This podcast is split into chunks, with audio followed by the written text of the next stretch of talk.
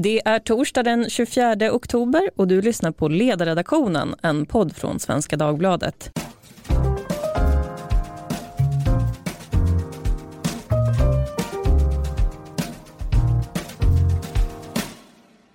Jag heter Lydia Wåhlsten och idag ska vi prata om den kanske största reformen som ligger i januariavtalet.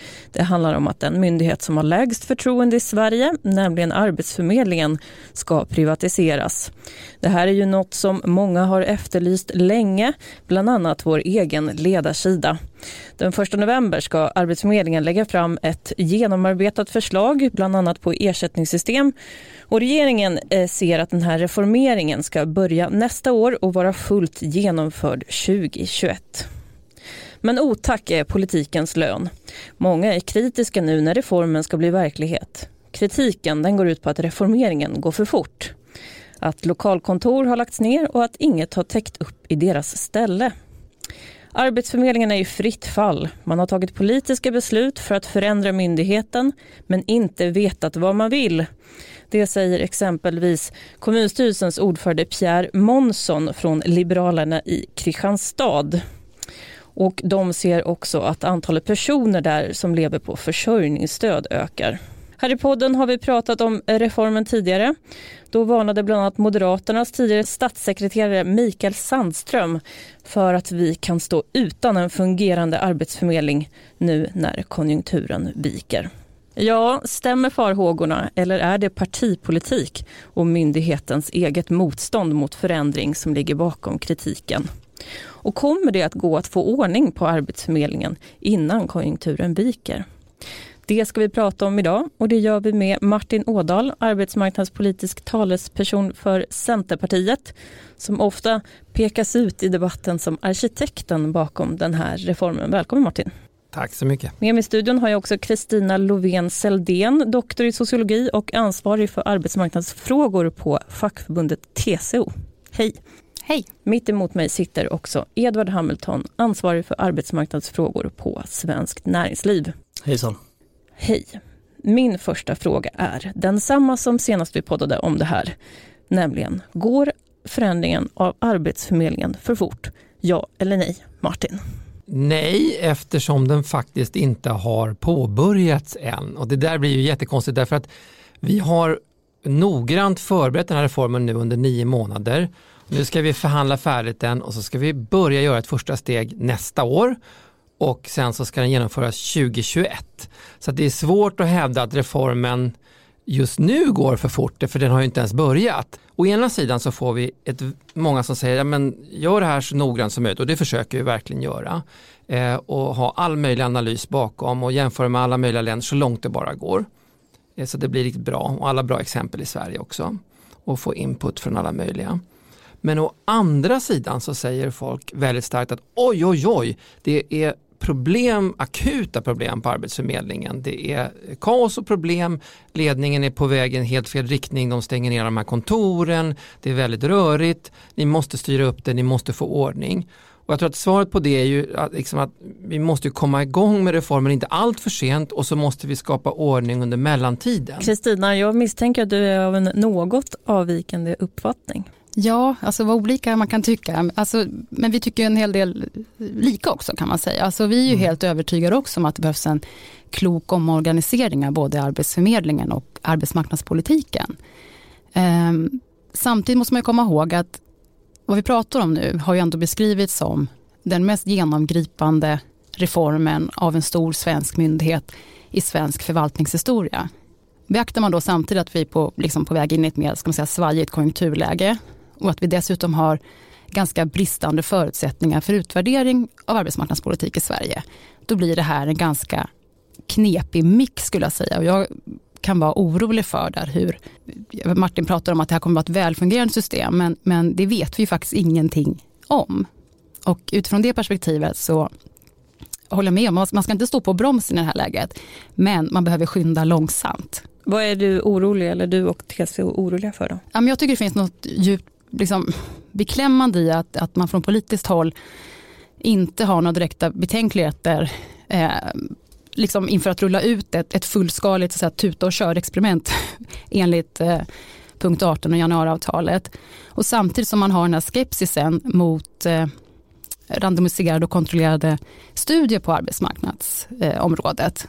Det här totala ointresset som tycks finnas för arbetsmarknadsutredningens i stort sett heltäckande arbete i kombination med den här eh, nästan parodiskt korta tiden för Arbetsförmedlingens analysuppdrag. Det förstärker liksom den här bilden av att underbyggda förslag, gradvisa förändringar, de har inte riktigt någon plats i dagens arbetsmarknadspolitik och det tycker vi är olyckligt. Mm. Det där är ju en fråga som återkommer för det har ju då gjorts en arbetsmarknadsutredning och då säger många att jo men varför remitterade man inte den då istället för att gå fram med ett sånt där förslag. Men först vill jag höra Edvard hur du ser på det här. Går det för fort eller inte?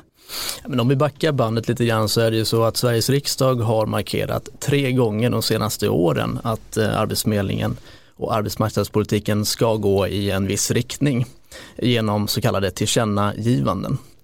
Och mycket av det som eh, riksdagen har markerat ligger i linje med Svenskt Näringslivs uppfattning, nämligen att man behöver förtydliga myndighetsuppdraget.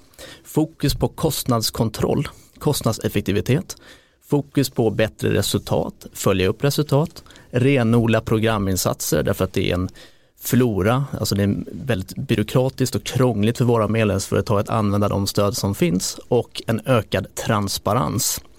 Och när man då slår in i de här olika processerna som nu pågår, både då Arbetsförmedlingens eh, budgetjustering senaste eh, året, både eh, justeringen av det fysiska infrastrukturnätet, alltså kontorerna, Eh, både eh, när man ser januariavtalets intentioner att gå mot mer av resultatstyrning och eh, mer av fristående aktörer, ja då ligger det i linje med mycket av de här principerna som vi har adresserat under ett antal år. Och jag tycker också det är viktigt i den här debatten att senaste året så har det förekommit en del missförstånd. det har förekommit en del överord i, i debatten. Och vi vill ju peka på att om man håller oss till exempel till eh, kontorsfrågan eh, så har det varit ramaskri kring dessa kontor. Det är ingen som har nämnt att Arbetsförmedlingen på egen hand alltså har lagt ner 80 kontor de senaste fyra åren. Eh, det är alltså en evolution vi ser, inte en revolution. Väldigt få nämner att vi alltså har fristående aktörer idag. Den här lagen om valfrihet, ja den klubbades i riksdagen 2010. Vi har haft sedan dess privata aktörer i Sverige. Vi har haft eh, en insats som heter stöd och matchning där man då eh, graderar de fristående aktörerna utifrån resultat. De som gör bra ifrån sig ska få mer att göra, de som gör dåligt ifrån sig ska få mindre att göra, gallras ut. Så att vi börjar inte från noll eh, och det är väldigt viktigt att ha detta i, eh, i åtanke. Till exempel så har det varit ett överord, eh, alltså som varit ett flagrant exempel var ju SVT Agenda för någon månad sedan då en ganska så framstående eh, för detta politiker sitter rakt in och säger till skillnad från tidigare lågkonjunkturer så har vi ingen arbetsförmedling längre. Och det är ju inte sant utan vi har 10 000 anställda på Arbetsförmedlingen, vi har ett anslag på 7 miljarder för nästa år. Vi har ett programanslag på 8-9 miljarder där då mycket av anslagspengarna har gått till extra tjänster där Svenskt Näringsliv då har sagt att de behöver vi bli av med och fokusera mer då mot, eh, mot eh, stöd och matchningsåtgärder. Så det finns en hel del eh, saker här som behöver balanseras rätt i debatten där vi då menar på att eh, det har blivit en otydlighet och den otydligheten beror till mycket på att eh, det har funnits eh, ett slags vakuum här Dels att vi har en arbetsförmedlingsgeneraldirektör då som eh, har, det har aviserats att eh, vederbörande kommer att då kliva av senast i mars nästa år. Dels att vi har haft ett ministerbyte. Så att det finns en hel del här, bara liksom att eh, rätt ut bildsättningen så att säga. Det tycker jag är viktigt. Lite sans och balans tycker vi är viktigt. Mm. Men om jag tolkar dig rätt och det ni har skrivit på er hemsida så är ni också inne på att Arbetsförmedlingen borde ha tagit, plockat upp de politiska signalerna och det här vet jag att också du Martin har varit inne på att eh, Mikael Sjöberg och jag såg faktiskt dig på stämman också att du var ganska nöjd med att det är Centerpartiets förtjänst att han är borta från sin post. Såg jag att du Nej, det sa jag, jag sa inte exakt så. Ja, det var så. nästan nog det. Det var inte så jag sa, men, men så här, alltså, vi måste ju på något sätt zooma ut lite här. Det här handlar ju inte om, ytterst handlar det om att de arbetslösa får hjälp. Vi lägger tiotusentals kronor per arbetslös och vi får näst, så extremt lite utav det. Det är några få procent som säger i enkäten att de har fått aktiv hjälp. Det är väldigt få av de här arbetsgivarna som ska anställa dem som anlitar Arbetsförmedlingen. Så att man får inte glömma att eh, det är liksom inte så att vi går in där för att eh, det kan bli bättre. Det är väldigt, väldigt långt ifrån där det ska vara. Trots jättebra arbetsförmedlare som finns runt omkring landet så är det väldigt, väldigt långt ifrån. Och så att, och, och, det har gjorts, det, vi är på, liksom har hänt saker precis som Edvard säger redan. Så det är liksom inte så att det liksom går från noll eh, till, in, till allt utan det har varit en gradvis process och Tvärt emot, jag är ledsen Kristina, jag vet att du inte kanske, men du överdriver kanske lite, men för det första så bryr vi oss absolut om utredningen, har tagit mycket med oss från den. För det andra så tycker vi, gör vi ju nu ett mellansteg eh, där vi som vi ska utvärderas noggrant med just det här stöd och matchning som redan finns, ska byggas ut och testa lite olika aspekter. Eh, och för det tredje så är vi ju väldigt noga om, jag bara skriver upp, vi vet ingenting om hur den kommer att gå, men vi vet ju väldigt mycket om hur sådana här reformer har gått. För de har varit i Australien i väldigt många år, över 20 år. De har funnits i många, många andra länder och vi kan också observera i Sverige när man har gjort saker hur det har gått och inte gått. En sak som dock eh, har skapats nu, som har accelererat de sista åren, det är ju Arbetsförmedlingens centralisering. Som Edvard var inne på har de lagt ner kontor ungefär hela tiden den senaste tiden och dragit sig tillbaka väldigt mycket. Och det är någonting som eh, vi faktiskt inte sett i så många andra länder och är väldigt problematiskt. Men jag tänkte att vi ska höra i alla fall, för Mikael Sjöberg, Arbetsförmedlingens generaldirektör, var ju här. Och när jag frågade honom om hur han ser på det här med att det går för fort, då svarade han följande. Man kan ju säga att vi, vi är i en situation där styrningen av oss är okoordinerad. Vi styrs av en statsbudget som, som är ganska dramatisk för oss. Och sen har vi ett januariavtal som vi, vi eh, ska följa och där vi tar sikte på. Och de här är inte koordinerade. Och samtidigt som de här två sakerna inträffar så har vi en kraftig teknologiutveckling i form av digitalisering som också påverkar oss väldigt, väldigt mycket. Och det gör att frågan är väldigt komplex och det är klart att det är ingen optimal situation att göra den här stora förändringen som vi just nu har. Samtidigt jobbar vi inne i myndigheten otroligt intensivt för att kunna leverera det som regeringen har efterfrågat. Det är en okoordinerad styrning, sa alltså Mikael Sjöberg. Vad säger ni om det där? Ja, det kan man i högsta grad säga att det är. Därför att vi försöker förklara gång efter annan till Arbetsförmedlingens ledning att vi inte vill att de ska lägga ner kontor för det funkar inget bra med reformen. Och vi försöker säga gång efter annan att när ni har de här dramatiska och väldigt huller om buller besparingarna i MKD-budgeten för guds skull, freda strukturer som hjälper funktionsnedsatta och sånt där Eh, och, och, och, där, det är ju samma signal från regeringen, från samarbetspartierna och faktiskt även från delar av oppositionen. Problemet är att innan vi ens hade hunnit göra det, alltså bara eh, ett antal veckor efter januariavtalet, så fattade alltså Arbetsförmedlingen beslutet om de här kontoren. Eh, nu är det ju så att, att vi får ta tag i det här framöver i samband med reformen. Vi får försöka börja rätta upp det. Vi har tillfört mer medel i budgeten. Vi har eh, gått in och, och, och, ska skriva ett nytt regleringsbrev nu för AF. Vi får liksom helt enkelt börja vända skutan nu. Men det, det, är en sak. Men däremot så kan man inte samtidigt säga att nej, det är inte mitt fel att jag lägger ner kontoret men jag vill väldigt gärna göra det för det är digitalisering och det är så det ska vara. Man får liksom bestämma sig från AFs ledning exakt vad det är man, man säger för någonting. Jag har till och med hört eh, Mikael Sjöberg säga att det är på grund av januariavtalet den lägger ner kontoren fast vi oavbrutet sen han började göra det den sista vågen här nu sagt att vi inte vill det. Och då, då får man liksom bestämma sig, vad, vem, vad står man för? Är, är, det jag som har beslutat det här eller är det någon annan? Och vara tydlig där. Men eh, det är ju inte eh, bara lösa tyckare då som är oroliga för vad den här reformen kommer innebära. Och det ena är just det här kontorsfrågan, men den kan man väl egentligen lämna lite åt sidan och då fokusera på att vi kommer få ett helt nytt system senast då 20 21. Men jag tänker att utifrån vad du sa Martin här, att, eh, det är ju i princip en, en samlad forskarkår som har sagt att det här liksom är lite huvudlöst att genomföra en sån här reform av den här digniteten på det här sättet. Så det är så att säga inte bara eh, jag som, som är orolig eh, för det. Sen tyckte jag det var bra att du nämnde det här med, med statlig närvaro i hela landet. Det är såklart jätteviktigt och det har vi lyft fram, inte minst utifrån ett likvärdighetsperspektiv.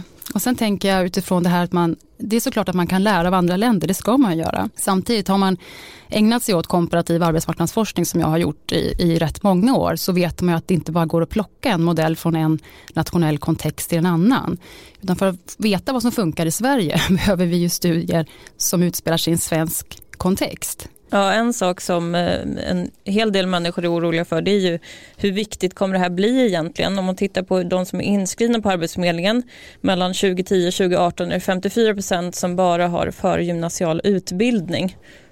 Är den här reformen överhuvudtaget viktig för att eh, lågutbildade ska komma i jobb?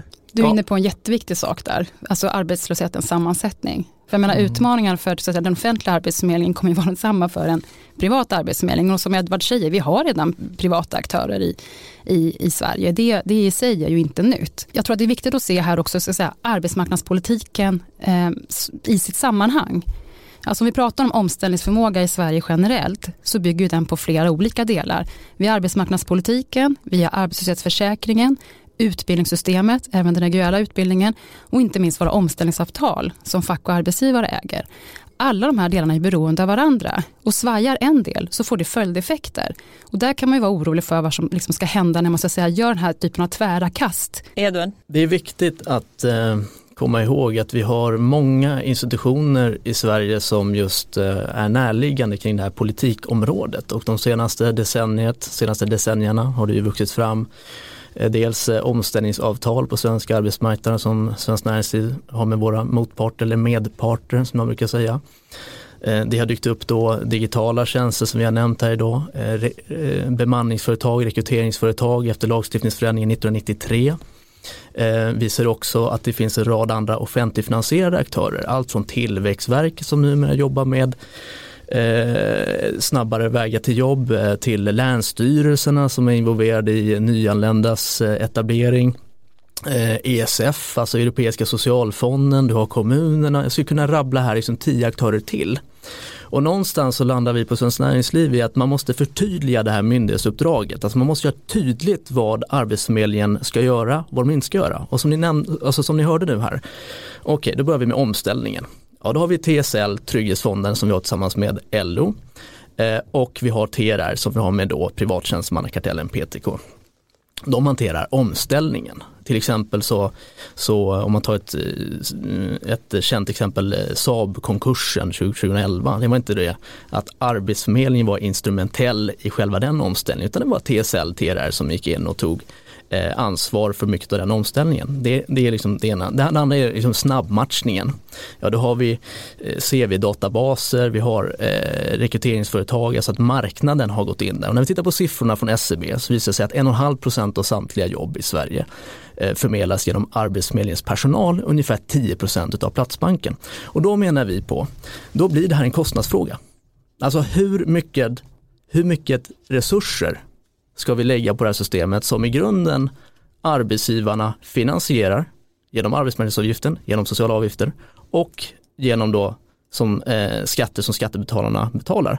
Och då menar vi på att då måste man vara tydlig kring myndighetsuppdraget, alltså fokusera på myndighetsutövning, fokusera på kontrollfunktionerna eh, och gör liksom en, en snävare eh, omtag vad gäller statens omfång. Därefter så ska vi komma in på de här teknisk operativa delarna som nu tycks vara på rätt väg. Alltså att ha ett bedömningsstöd så att rätt insats träffar rätt person. Att man kan eh, gradera och rita de här aktörerna som jag nämnde tidigare. Och att man har en transparens mm. kring resultaten. Vi har ju tagit fram digitala Sverigekartor där man då kan se utifrån Arbetsförmedlingens rådata hur olika aktörer levererar. Alltså det, det, det är den delen och där tycker jag att den här reformen går nu i rätt riktning vad gäller de tekniskt operativa delarna men det finns mer att göra kring ett tydligare minnesuppdraget. Men Svenskt Näringsliv är inte oroliga för hur reformen reformen kommer slå?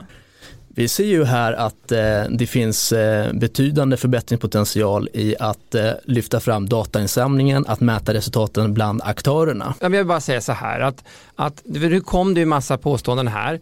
Jag som ändå har läst otroligt mycket av de här rapporterna, jag har inte alls bilden av att det finns någon så samlad i Sverige forskarkår. För, för själva verket har det skrivits ganska lite i Sverige om det här. Och det är jättekonstigt, vi pratar nu om just pratar om de här trygghetsorganisationerna och bland annat en för arbetare. Folk förlorar jobb på Saab, vart tar de vägen?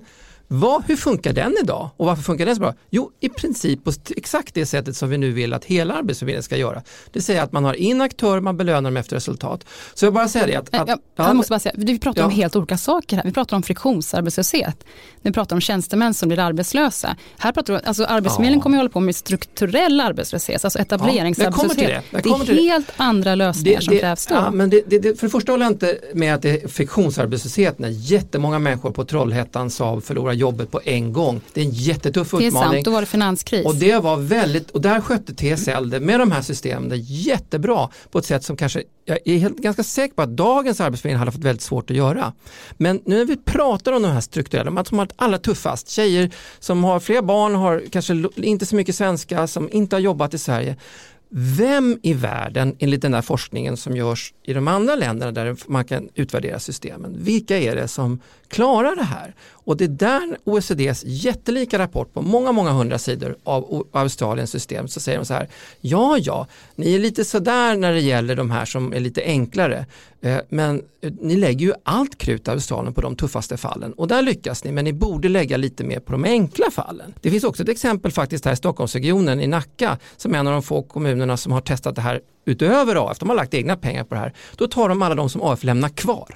Alla de som av sig, de här är omöjliga att placera. Och så sätter de det med externa aktörer som får betalt efter resultat. Och fantastiskt nog så är det 30-40% av de fallen som AF tyckte var Arbetsförmedlingen alltså, tyckte var helt hopplösa. Precis, men det är ju inte det som Arbetsförmedlingen ägnar sig åt idag, alltså den typen av matchning, ja. givet arbetslöshetens sammansättning. Och den har ju förändrats ganska radikalt de senaste decennierna. Det måste man ju ändå ha med sig när man talar ja, om det här. Och, det är just därför, ja. och även om man ska säga Eh, man kan ju också lära av reformer på andra politikområden i en svensk kontext. Alltså det, det går ju faktiskt att, att hitta eh, både liksom, alltså vad, vad ska, vad, vilka är fällorna så att säga. Och det finns ju också om man tittar på Arbetsförmedlingen tidigare när man haft privata inslag, etableringslotsar, jobbcoacher och så vidare. Så vet vi att det fungerade ganska illa helt ja, enkelt. Det, var det är ju liksom den erfarenheten vi har. De gjorde ju alla felen som alla har lärt sig att man inte ska göra med det här. De betalar i princip för att man skulle ta sig an folk och vad händer då?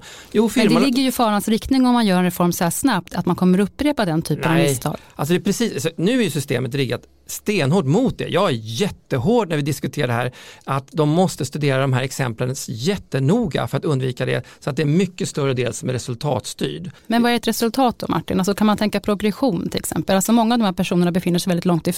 Ja. Hur ska man mäta det som kallas stegförflyttning till exempel och ska man få ersättning för det? Det här är ju jätte... massa andra alltså, frågor. Lydia och Ariana, Alltså här, nu blir det spännande. Nu går vi in liksom på hur ska det verkligen fungera på riktigt? Och den stora avvägningen där är, ska vi belöna för någon slags mellansteg där folk och risken för att de parkeras. Att de här privata, även ideella, bara tänker oj, det här var så tufft. Nu får hon eller han gå den här utbildningen och, och, så behöver vi inte ta hand om det just nu.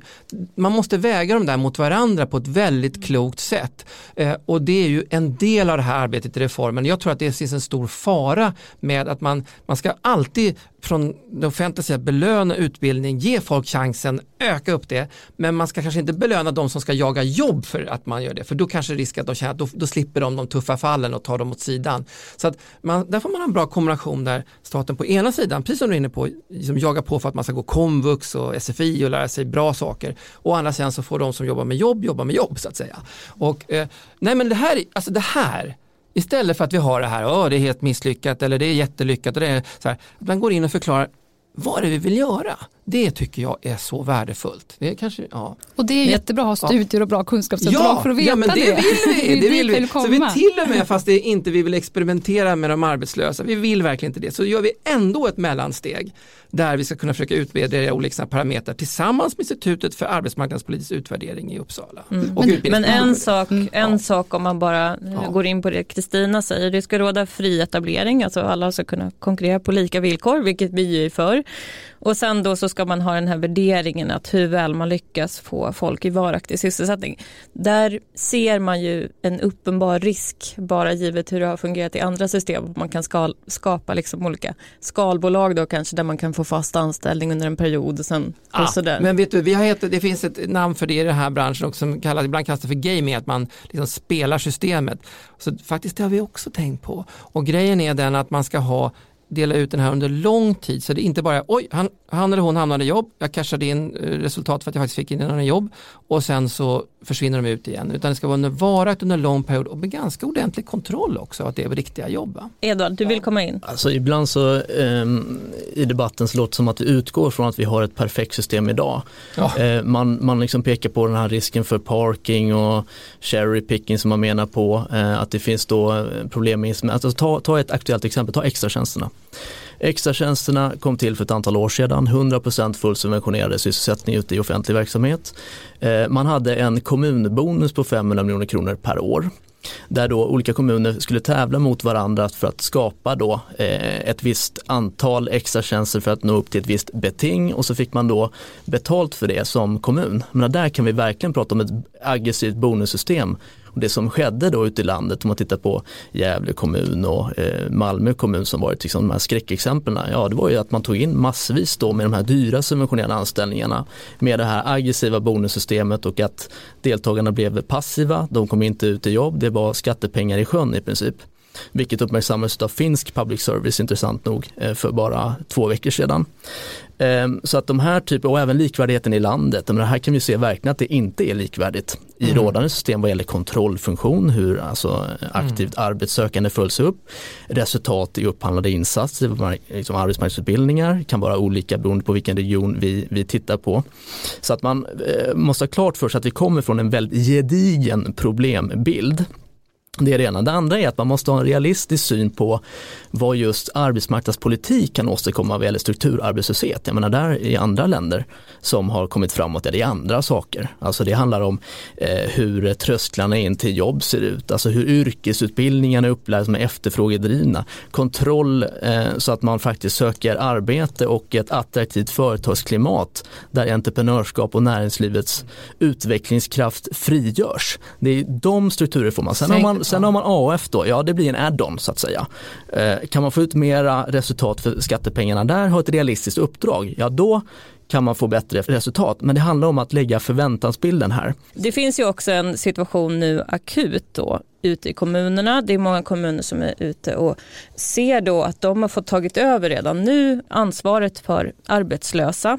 Innan den här reformen det var det 5 300 anställda som jobbade med jobbinsatser. Nu uppstår det en massa vita fläckar. Är det en lösning att kommuner kan bli leverantörer av stöd inom det här nya LOV-systemet? Jag tror att vi gör allting i den här reformen för att täcka in allt det här. Man ska kräva att törerna ska vara där. Man ska ge dem extra pengar att de är med på små orter som är glesbefolkade för att de ska satsa extra hårt på det så att folk inte behöver flytta direkt bara. Utan tvärtom att man ska hitta jobb lokalt. Så premiera det.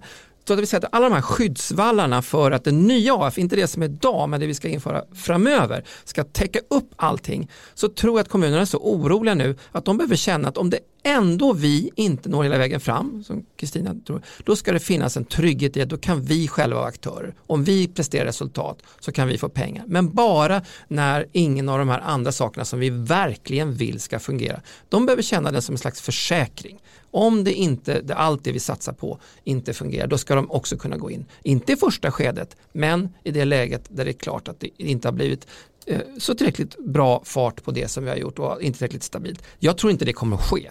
För att det gör inte Australien ute, långt ute på landsbygden, Australien, de är lika glesbefolkade som Sverige. Långt bort i outback så är alla de här aktörerna, för de har krav på sig och pengar för det. Så det finns ingenting att be för där.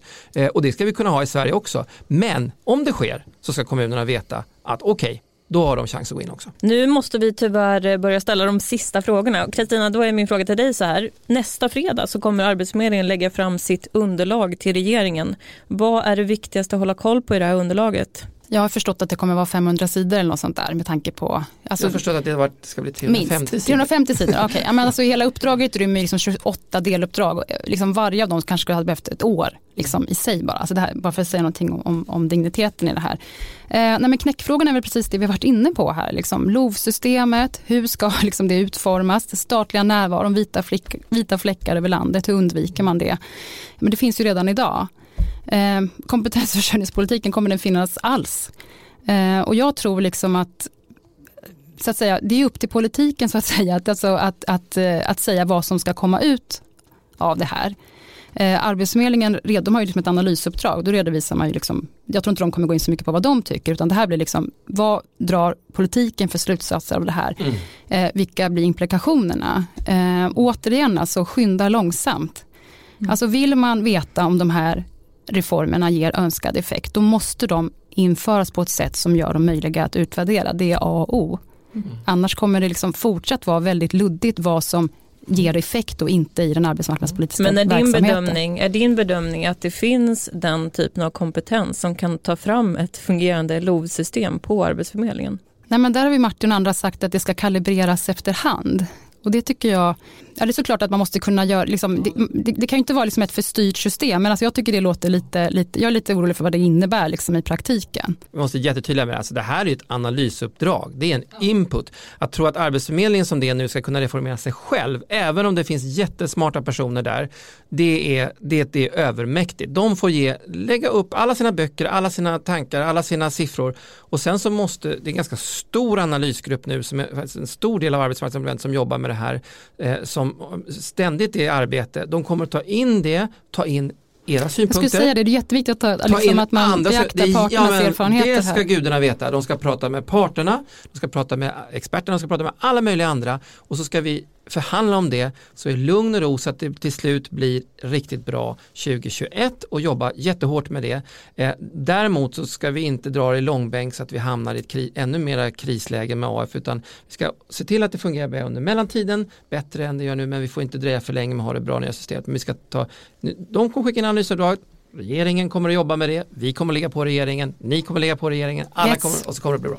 Martin, kommer du känna dig bekväm med att fortsätta vara eh, posterboy för den här reformen? Ja, det, alltså, så här är det. Jag eh, inser att arbetslösheten kommer att stiga under lågkonjunkturen. Jag inser att alla möjliga kommer att vilja skylla det på någon eller på några eller på något parti. Men eh, Centerpartiet är det partiet som inte bara sitter ner och klagar eller skräms eller skyller på någon viss grupp eh, i samhället utan som faktiskt vill göra de där reformerna som man pratat om i decennier för att det inte ska vara tudelning på arbetsmarknaden, för att de arbetslösa ska få riktig hjälp, för att arbetsgivare ska kunna anställa och använda sig av Arbetsförmedlingen för att kunna anställa. Vi, vi, vill göra dem på riktigt, även om det ibland blir liksom, eh, diskussioner och dessutom motstånd och många som inte alls tycker som oss från alla olika håll.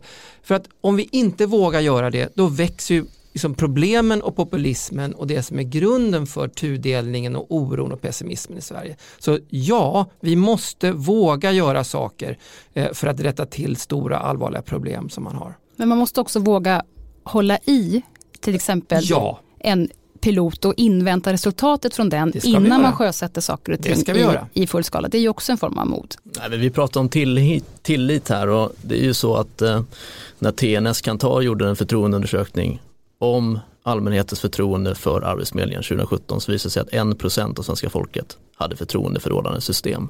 Apropå tillit.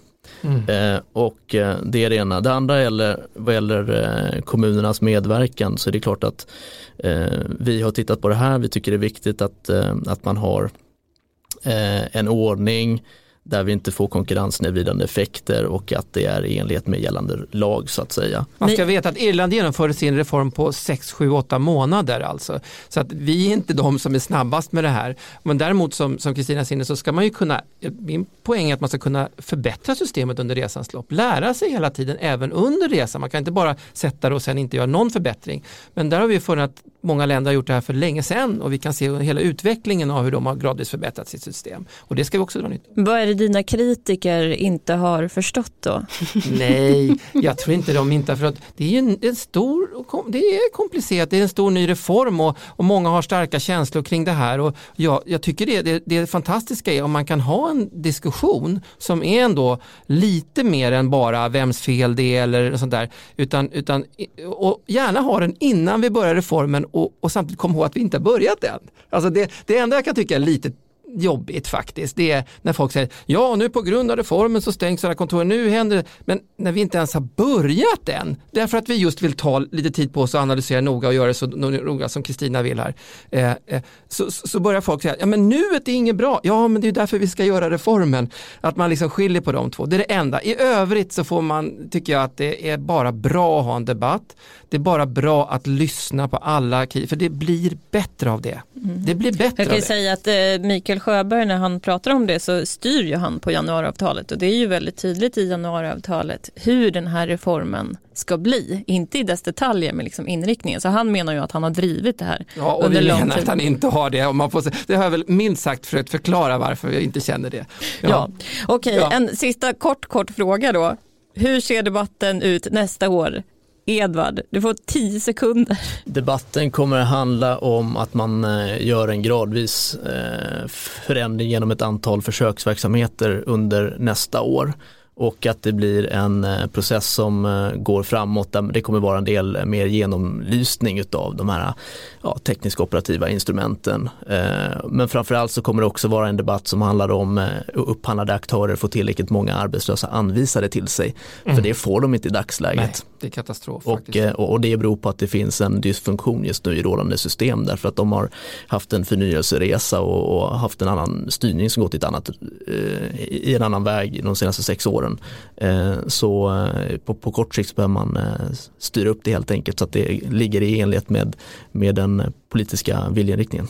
Vi pratar lite grann om Arbetsförmedlingen som ett eget land inser jag. Vi pratar om liksom olika styrningar och så, makrofaktorer. Martin, hur, hur jobbet har du det nästa år? Ja men det kommer inte bli lättare förrän det här är genomfört och det är många andra stora reformer vi också måste genomföra. Men det jag tycker det, det som kommer tyvärr dominerar de närmaste åren i hela västvärlden och, och, kanske mer, det är ju att vi nu går in i en lågkonjunktur skapad av alla de här konstigheterna med handelskrig och, och även en, en avmattning som, som sker. Så i Sverige och andra länder så kommer konjunkturen att försämras och bli mycket, mycket mattare. Och då kommer det bli en stor debatt om hur, vad vi kan göra för stora reformer för att ändå folk ska kunna få jobb, även om det är kärvare. Och synnerhet sånt som de som är långt från arbetsmarknaden. Och eh, då är det ju spännande att nästan alltid det man brukar re rekommendera när det blir lite tuffare läge. Det är ju liksom ungefär det paketet vi har. Och nu har vi chansen att börja med det lite grann innan konjunkturen har blivit så dålig som den brukar bli när man börjar ta tag i saker och ting. Och jag hoppas att vi på något sätt ska kunna komma ikapp en liten bit av lågkonjunkturen. Vi kommer inte komma nå hela vägen för arbetslösheten kommer stiga. Sen kommer vi också ha, utöver allt det bra Edvard sa, så kommer vi faktiskt också lägga till en del mer pengar till det här. För det har varit en, tyvärr i MKD-borten var lite ordnad slakt av de här resurserna om man ser på de olika anslagen. Det, inget, det, det har varit rörigt faktiskt. Det, det, får man ge AF att de Arbetsförmedlingen de har haft det på det sättet ganska tufft. Och det försöker vi ordna upp lite nu också så att vi får lite om, eh, pengar nu och inte minst till de här externa aktörerna som, som, som de här, alla de här som jobbar med det här externt, ideella och, och, och, eh, och, och privata. Jag får inte glömma att det är jättemånga, allt från fackföreningar till, till, till, till eh, idéburna eh, välgörenhetsorganisationer som jobbar med det här och jobbar med väldigt tuffa fall så vi får inte glömma dem heller. Ja, jag hoppas väl att det här ideal, eh, idealståndet kommer, uppnå, eller kommer uppstå att man helt enkelt omvärderar sin ståndpunkt lite grann från politiskt håll och faktiskt eh, som jag sa absolut inte dra i bromsen men, men skynda lite långsamt. För jag tror precis som, som Martin säger att den här konjunkturen kommer färga mycket av de kommande årens eh, arbetsmarknadspolitik. Och så hoppas jag också att man orkar hålla i det som vi pratade om tidigare, kompetensutveckling, eh, kompetensförsörjningspolitik eh, och vara lite mer proaktiv där, eller mycket mer proaktiv där. Det är min förhoppning. Och då, där får vi runda av efter 40 minuter. Jag säger stort tack till Martin Ådahl, arbetsmarknadspolitisk talesperson på Centerpartiet, Kristina Löfven Saldén, TCO och Edward Hamilton från Svenskt Näringsliv. Tack. tack till er som har lyssnat. Hör av er som vanligt på ledarsidan svd.se. Hej då!